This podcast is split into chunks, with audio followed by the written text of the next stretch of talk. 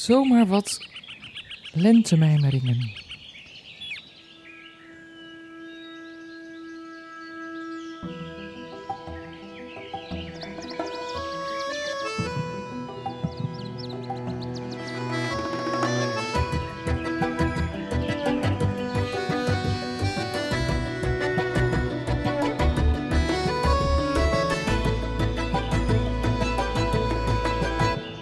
Ondertussen, in verwondering.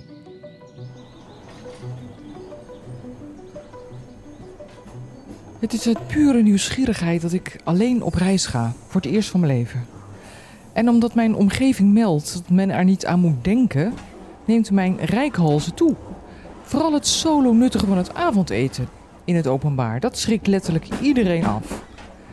Maar wat is nou het verschil tussen in je eentje lunchen of alleen dineren? Is het ene hip en het andere zielig? Een andere rondgaande overtuiging is dat je tijdens een soloreis jezelf tegenkomt. Nou lijkt me dat niet erg en ook niet helemaal waar. Volgens mij ontmoet je veel meer mensen, dieren, plaatselijke gewoontes en natuurschoon als je ongestoord om je heen kunt kijken in plaats van te moeten keuvelen met je reisgezelschap. Met de trein reis ik onder de Noordzee, dwars door Engeland, naar de westkust van Wales. En ik geniet met volle teugen van het uitzicht. Een goede vriend appt: Je zou jou toch helemaal voor jezelf hebben? Inderdaad. Mijn eigen gezelschap valt me ook niks tegen. Zou er verband zijn tussen innerlijke rust en liefde voelen voor de omgeving? Op een tussenstation vergeet ik mijn rugzakje. En pas een half uur later heb ik dat door en ik haast me terug naar mijn vorige wachtplek. Een jonge man blijkt al die tijd over mijn bagage gewaakt te hebben. Kalm en gewoon overhandigt hij mijn vrachtje. Zo ziet innerlijke vrede er kennelijk uit. Een zegen voor de wereld, inderdaad.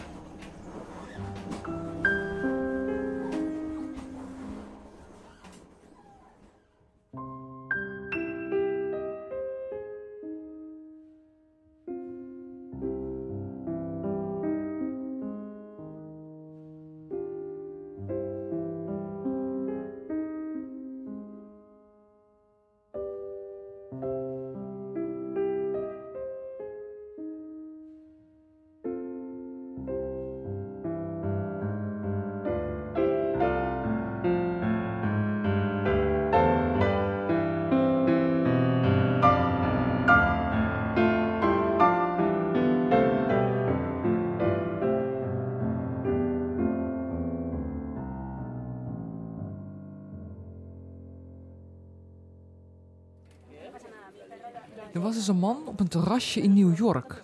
Hij was ooit neergeschoten boven Vietnam en met zijn valscherm veilig beneden gekomen. Er zegt iemand tegen hem op het terras: hey, jij bent toch Charles? Ik dacht dat jij neergeschoten was. Hoe weet jij dat nou? zegt Charles aan die man die die niet kent. Nou, zegt die man, ik werkte op hetzelfde vliegdekschip en ik vouwde jouw parachute. Dan realiseert Charles zich dat iemand die hij niet kent ervoor heeft gezorgd dat hij nu nog in leven is door het allereenvoudigste werk te doen dat er bij de luchtmacht bestaat: het vouwen van de parachute. Wie vouwde jouw parachute? Dat is een mooie vraag. Ik loop door het lentebos en ik snuif de geliefde geur van overvloed op. Hè? Ineens weet ik weer waar ik aan het dwalen ben. In deze laan heb ik gewoond als au pair tijdens mijn laatste conservatoriumjaar. Ik sta stil bij de villa van Weleer en ik zie een klein stukje van mijn tuinhuisje in de achtertuin. Ik zorgde voor de drie kinderen in de villa. Hoe heette ze ook alweer? Zij was al twaalf, hij tien en de jongste was een baby. Met hem had ik de hele dag het rijk alleen. Zijn moeder was bang dat die baby doof was. Maar als hij voor op mijn fiets zat en ik liedjes in zijn oortje zong, dan lachte hij blij. Oost-Indisch doof dus. Verder niks ernstigs. Ik schrik op.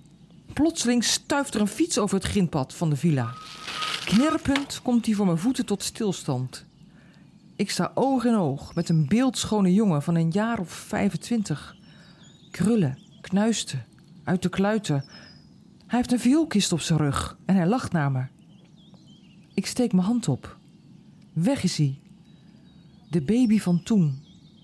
Ik vouwde zijn parachute. Eh, ik bedoel zijn luier. Hij opende mijn moederhart.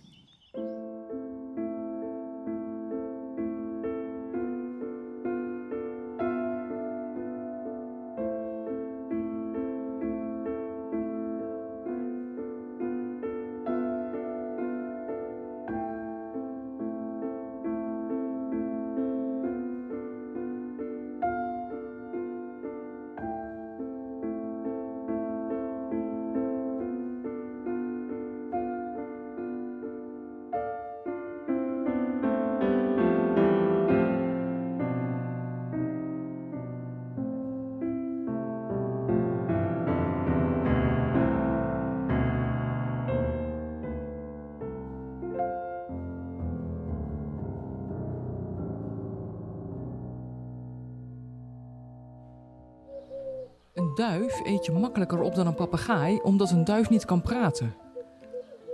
Dat zegt een wetenschapper in het tv-programma Tegenlicht. Waarom denken mensen dat ze zo speciaal zijn en ver verheven boven alle andere voelende wezens? Met die vraag begint de aflevering. Het zal niet lang meer duren of we kunnen alle dierentaal verstaan door kunstmatige intelligentie. Zal meer kennis van de natuur ook maken dat we er beter voor gaan zorgen? Dat is de kwestie die wetenschappers momenteel bezighoudt.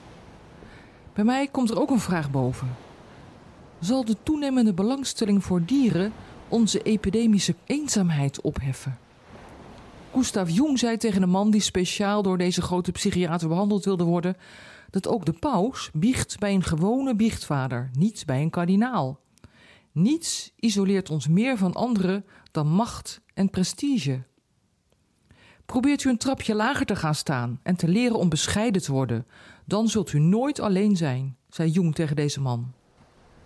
Die uitspraak sluit naadloos aan bij de ontdekking van onze voelende medeschepselen. Waarom zoeken we naar buitenaards leven terwijl de oceaan bevolkt wordt door zeer intelligente wezens? Kniel eens neer in je eigen tuin om van het spel van de mieren te genieten.